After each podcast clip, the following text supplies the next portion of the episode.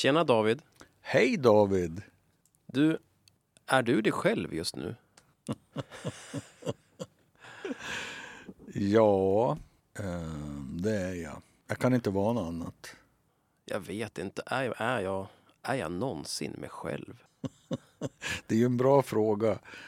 Det är en jättebra fråga tycker jag. För att det, det hålls ju på hela tiden att man ska vara autentisk och, och sig själv och grundad och rak och allting sådär. Va? Mm. Men under allt det här, alla de här idéerna om att vara sig själv så ligger ju en idé om liksom vad människan är för någonting, vad personlighet är och, och, och, och hur man uttrycker det. Liksom. Jag vet, Kan det vara någonting med att det är att man ska vara sig själv oberoende av yttre krav, förväntningar, normer? Att man är liksom den man är när inte något annat påverkar en. Alltså så som man är i ett vakuum. Är det det man menar? jag tror det. Kärnan. Men det finns. Man är ju alltid i relation till någonting annat på något sätt. Ja, alltså på ett sätt så det, det är ju jättevanligt det här med det här relationella tänkandet som du är inne på nu. Liksom, att vi är, vi är de vi är i, i, i respons till, till det och de vi interagerar med. Va? Och då kan det vara en då kan det vara Martin Beck i en film, liksom, eller det kan vara en plats, ett hus, eller det kan vara du och jag som interagerar med varann. Va? Och det är ju vanligt. Men den tanken är ju inte alls dragen, tycker jag, till sin radikala spets. För att rent materiellt och fysiskt så är vi ju relationella från början. Vi, vi, väck, vi kommer från mötet mellan spermien och ägget i en livmoder, i vår mor så växer vi till och föds fram i hennes kropp, äter från hennes kropp. Liksom. Mm. Vi har aldrig, aldrig varit relationella. Och det klart- Aldrig Vi har aldrig, aldrig varit relationella. Aldrig. Jag tolkar det som att vi alltid varit Ja, relationella. det är samma sak, det är en dubbel negation. aldrig, aldrig varit Ja, ja, du menar, ja, nu hörde jag vad du sa. Och, och, och, Ja. och, och, och det, där, det där tycker jag är jävligt intressant. För att, för att å ena sidan kan man då tänka att det blir en annan form av relational, relationalitet som vi står i. Jag menar, nu är ju inte jag i din kropp och du är inte i min kropp. Om vi talar om skin-in-kroppen, det som är liksom gränsen för det som är min kropp. Liksom. Vi är inte i varann. Men samtidigt så påverkar vi varann genom hur vi ser på varann. När vi sitter och talar så här. Det väcker känslor som får fysiska Mm. eh, liksom uttryck. Så vi är ju relationella. Mm. Men samtidigt så verkar vi ha en idé om att vi är skilda åt. Och det är nog sant. Vi är, vi, någonstans inne så finns det ju ett själv, ett jag. Ja. Eller? Ja, kanske. Jag tror man ska Det skilja. är ju inte helt oberoende såklart av allting annat, men någonstans så finns väl jag också. Du finns, ja. Det finns ett själv där. Du, du finns för dig själv och du finns för mig, för dina barn, Ja. för din arbetsgivare. Men kan man säga då att jag fin, jaget finns, men det finns, in, det finns aldrig så att säga oberoende, eller det finns aldrig utan en relation till någonting annat. Alltså man kan aldrig egentligen vara bara sig själv. Du, kan, du, är alltid, du är alltid dig själv i relation till någonting annat. Ja, alltså jag tror, man, man kan tänka så här att man skiljer mellan frågan hur blir jag jag och eh, vad är det att vara jag? Mm. Och, och vi kanske blir de vi blir hela tiden i relation till folk och till fä och sådär. Va? Men den vi blir är ändå i någon, i någon slags meningsfull betydelse en enhet som är skild från andra. Liksom. I, i, i, liksom, det, för annars så är vi ju psykotiska. Liksom. Vi, annars så upplöses ju jaget och det, så lever vi ju de flesta inte. Mm. Jag har alltid tänkt så här att jag, eller jag upplever mig själv att jag kan vara väldigt olika i olika situationer. Jag är en person när jag umgås med min familj, med min pappa, eller en person på jobbet, en person med mina vänner.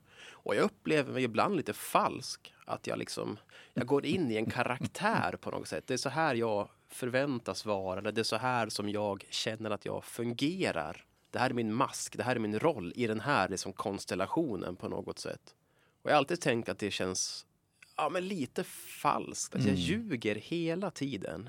Liksom så. Men jag mer och mer kommer fram till att fast jag är ju alla de här rollerna. Alla de här är en del av mig, en del av min personlighet eller en del av mitt jag. Va? Ja, Det där är ju jättespännande. Jag känner igen den där känslan. Eh, Jag håller med om att, att jag tror också det är rimligt att tänka att man, man är alla de här. Det här är liksom sidor av, av mig på något sätt. Va?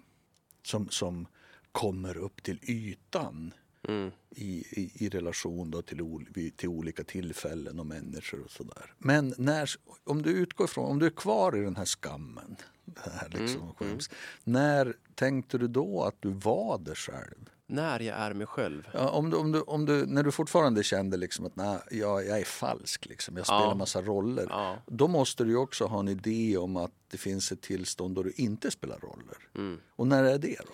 Ja, det, är jag någonsin det? När jag ligger hemma själv i sängen, helt tyst. Bara jag och mina tankar och så reflekterar jag över all min falskhet som jag haft över dagen. jag tycker ett sätt där det tar sig väldigt tydligt uttryck, det är ju humor. Vilka typer av skämt man kan dra. Det är ju extremt tydligt. Du drar ju inte samma skämt med när jag träffar min farmor, 84 år, Nej. som när jag träffar eh, min, eh, min, ja, dig eller någon, någon kollega på jobbet som kan ha mycket, mycket råare humor eller liksom Mm. så.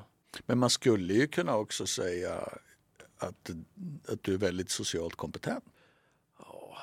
Ja, men Om man vill- men om det man vill lägga det lite Ja, positivt jo, med men det. det, så tror jag väldigt många tolkar också. Så Ja. Att man, man anpassar sig och att man det är nog i grunden en bra social egenskap. Det är Ja. säkert evolutionärt att det är bra att anpassa sig efter flocken. Ja. Då överlever du. Ja. ja, du blir mindre hotfull. Du blir inte ett Ja. hot mot gruppen. Nej. Jag har ju gjort så där också att eh, typ om jag har varit och föreläst om etik för lärare och så visar det sig att det är i Norrland. Liksom. Eller det kan vara i Stockholm också eller någon annanstans i södra Sverige. Och för alla norrlänningar där ute då så får jag säga att jag, jag menar Västernorrland. Så ni behöver inte tappa byxorna för att jag använder Norrlandsbegreppet. Jag, jag, jag är från Västernorrland och bott i Västerbotten och Norrbotten.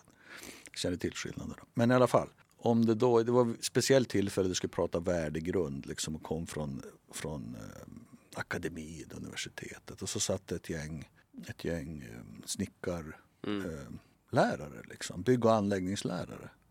Och då märkte jag hur jag började prata norrländska, bredde på. Mm, Vet du. ja. Det, det är ju viktigt, förstår ni det här. Och, och jag, jag tryckte att jag har, själv är snickare, tryckte jag fram. Och liksom, jag ville visa andra sidor av mig själv. För att jag hade en fördom om att de, och jag såg på deras jag tolkade deras kroppsspråk som att de tyckte, vad fan ska han komma där uppifrån och prata liksom.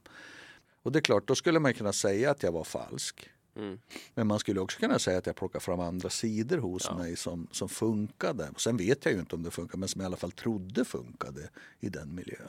Ja, ja, men det var precis så jag, så jag tänkte att man ens olika sidor eller ens olika liksom, delar av sig själv. Att det är ju fortfarande delar av sig själv. Ingen av dem är liksom egentligen helt falsk eller så. Det är fortfarande. Jag tycker jättemycket om rå humor. Jag tycker också om att gulla med min farmor, 84 år. Ja, Och så, det är ju två sidor av mig. ja. Jo, men jag, jag brukar ju prata om eh, att med mina studenter när jag pratar om värdegrund och det här med relativ moral och så här, att moralen är så kallat kontextuell. Liksom, att, att det som jag anser är rätt och riktigt och det jag bör göra och inte bör göra är hela tiden i relation till, till eh, de omständigheter som jag befinner mig i. Va? Och det kan ju tolkas ganska radikalt så att man egentligen har man ingenting som alltid är rätt eller fel utan man, man bara ändras hela tiden. Och jag tror att det är sant över tid, över lång, lång tid. Liksom. Men jag, jag brukar prata om att, att jag var på strippklubb när jag bodde i Texas. Och jag tyckte inte det var något problem alls, liksom, moraliskt sett. För att de jag umgicks med, de, de var bara där. Det var tjejer och killar liksom. Tyckte det var Ja, kul. Ja, vi köper ett gäng öl liksom. Tar man med sig dit och så får man en ishink och så sitter man och tittar på nakna kvinnor. Vilket ju i sig då var jävligt underligt liksom och en väldigt konstig upplevelse. Men det kändes inte märkligt då? Eller? Det Det, kände- var så pass kontextuellt, Ja. eh, kulturellt okej eller på något I- slags eh, ja. normalt? Ja hur? precis, det kändes inte moraliskt fel men det kändes jävligt Det måste ju ha varit ändå lite, eh, alltså, lite märklig känsla. Ja, men, jo, jo, men, lite, jo, jo, men inte moraliskt. Men, Nej, nej, men, men det moraliskt. kändes Ja, det, jävligt moraliskt. konstigt. Ja, Liksom. ja, just det, och jag, jag kände att jag hade ingen... Jag visste inte riktigt hur jag skulle göra och jag tyckte det var underligt och sådär. Va? Men det jag säger då till mina studenter, jag skulle aldrig göra det hemma. Jag skulle Nej, aldrig gå på Klubb Taboo eller vad fan det hette. Nej, men det där är Stockholm, ju, liksom. det där tror jag liksom är väldigt mänskligt, att man anpassar sin moral efter. Ja, men jag tänker mig vakterna i koncentrationslägen exempelvis. Mm. Jämför du mig nu med vakter i Ja, koncentrationsläger? jag jämför jag vill betona att ordet jämföra är inte samma som att likställa. Ja, tack, Man kan tack. jämföra allt. Du kan jämföra mig med Pol Pot om du vill också, men det finns Ja. stora skillnader. Ja. Nej, men det finns någonting där att vi människor, att vi anpassar oss, vår moral efter vår kontext på något sätt. Mm. Men det som är intressant är att nu kan jag kritisera mig då Mm. moraliskt. Nu kan jag känna att "Ja, men det där borde jag inte ha gjort. Liksom.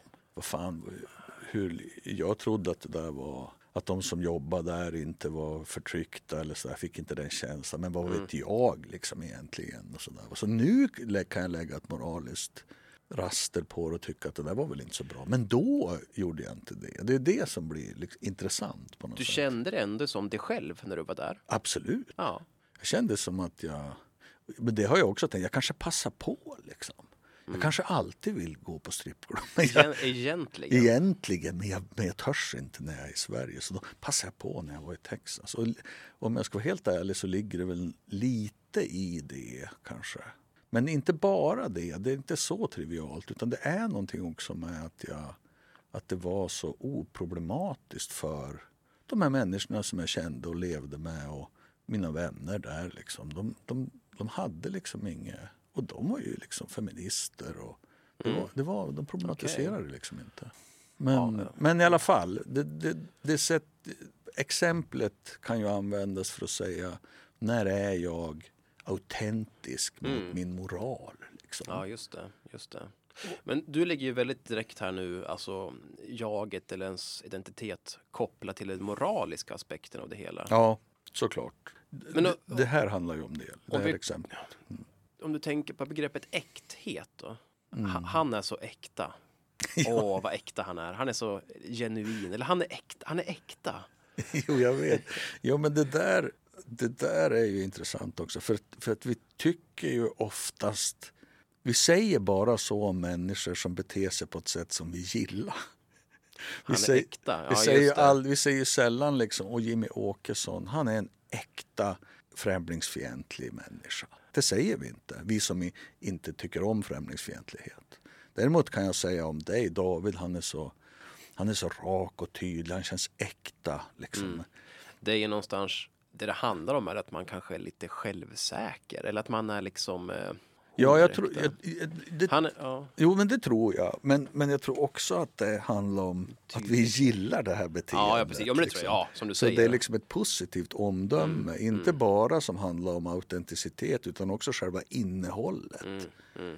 Vi säger, jag menar de, de som förlorar kontrollen över sig själv och blir helt jävla vansinniga och slår sönder en vägg. De är ju superäkta liksom. De Ja, agerar ju helt i, rela- helt i nisch med sina känslor. Fullständigt ko koherens. Ja, precis. Men de tycker ju vi är Ja, jobbiga eller nej, behöver hjälp. Eller Ja, sådär, just det. va? Då finns det ju någon slags eh, etisk grund vad äkthet är för någonting. Det finns massa värden där. Alltså Jag som du ser, det. positiva värden. Man är äkta, man är, det finns någon slags... Eh, Men sen kan vi ju se, hitta såna här som, som beter sig som arslen och säger och så när de får kritik så säger de ja, men eh, jag är bara rak ja. Sån är jag. mm, Liksom, just och, det. och det, då gömmer Jag säger bara som det är. Precis, då gömmer man sig bakom den här idén Ja, om ja, äkthet och ja, rakhet ja. och sådär. Va?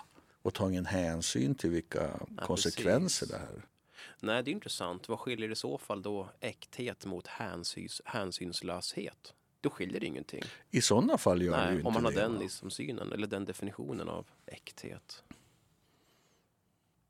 Det här är en äkta diamant. Den är inte konstgjord. Nej, just det. Äkta. äkta tavla. Det här är en äkta.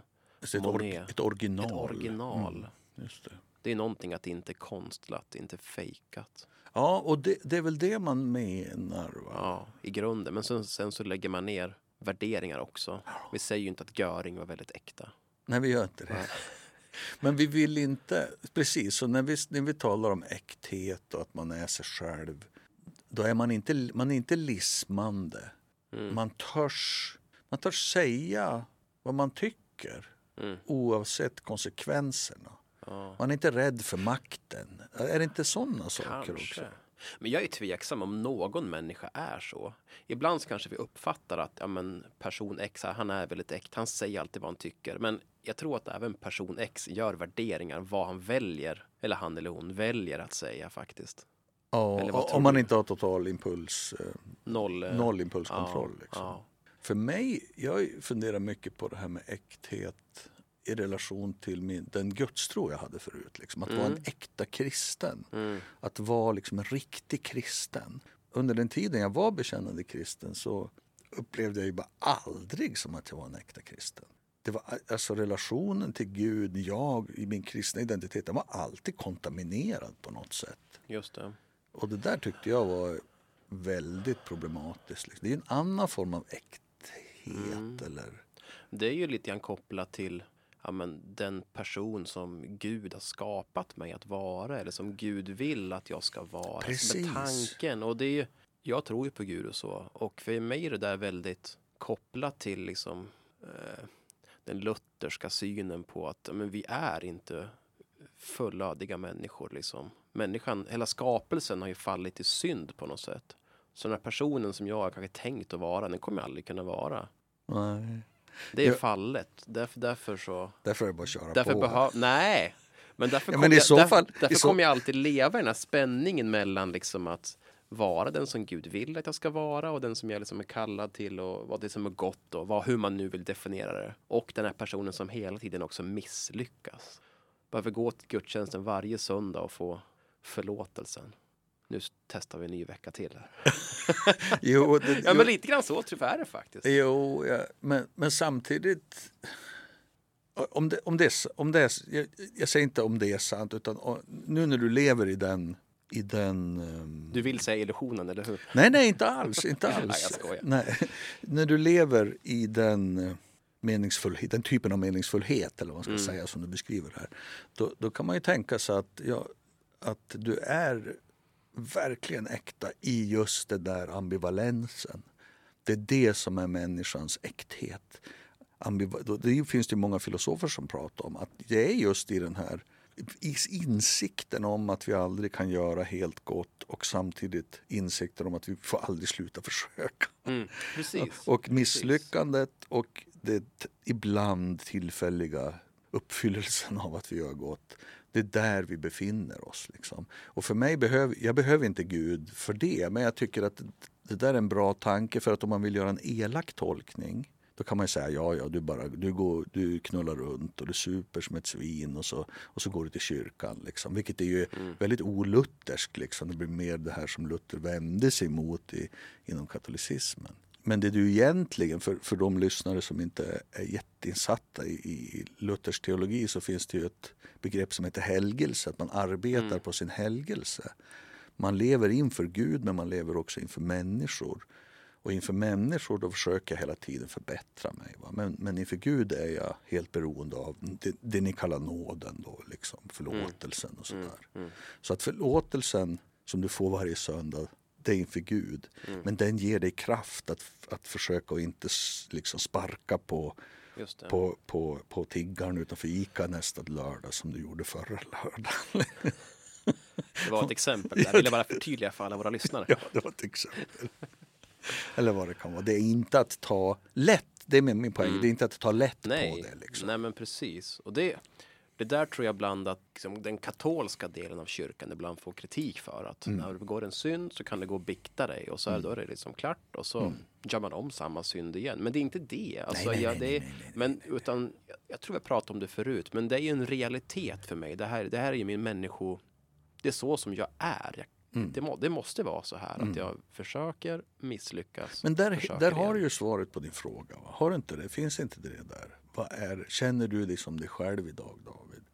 Ja, det gör jag. Jag är den här ambivalenta existensen som hela tiden funderar på om jag gör rätt eller fel och som försöker korrigera och vara så, ja, men så god som möjligt. Liksom. Både för mig själv och med mig själv och inför andra och för andra. Ja, men jag tror att du är någonting på spåren där. För det, det hjälper ju mig väldigt mycket att, att slappna av och känna mig fri på något sätt i mina relationer eller när jag ska göra saker. Att, det bygger inte på att jag måste lyckas med det här nu. Utan det, och, och det är jätte, fan det här är intressant tycker jag. Alltså det finns en filosof som heter Han, en sydkoreansk filosof som jobbar i Tyskland. Han har skrivit en liten underbar bok som heter Trötthetssamhället, Müdigkeitsgesellschaft. Och han, han talar just om förlusten av förlåtelsen. Han är ju inte en, en kristen filosof men han, han menar att projektgörandet av människolivet i prestationssamhället göra, tillsammans med att vi har förlorat vår gudstro, förlorat absolutionen, möjlighet till absolution utifrån, förlåtelse, välsignelse. Det gör att vi blir så ensamma. Jag har, mitt, jag har mitt liv i mitt projekt och misslyckas jag så har jag bara mig själv liksom, och arbeta med. Om jag inte går till någon terapeut då, som säger att jag ska ta ansvar och, och sådana saker. Men den här, den absoluta förlåtelsen. Det är okej okay, David, säger Gud. Liksom. Du, det är okej. Okay. Mm. Jobba på, jag ser mm. att du jobbar på men för mig är det okej. Okay. Den har vi förlorat liksom, i, när vi förlorade gudstron. Och, och jag tror att, att han är ute, han, han är något på spåren när det gäller det här. Ja, det är ett sidospår. Men, men, men en sak jag vill säga till om äkthet. Jag tror att vad vi har gjort nu är att vi har gått ifrån när vi börjar prata om äkthet som någonting statiskt. Och så har vi landat i liksom äkthet eller att vi är sanna mot oss själva. Att vara i process, en viss typ av process. Liksom. Mm. Och det blir något helt annat för då, mm. då blir den brokigare. ja, men det är sant. För att om jag tänker tillbaka på mitt liv, liksom vem jag har varit och hur jag har tänkt och hur jag har gjort. Det har ju förändrats. Så liksom, det är verkligen en process. Det vore jättekul att träffa sig själv för tio år sedan och få sitta ner och prata med sig själv. Sådär, eller, Hej. eller inte. jo!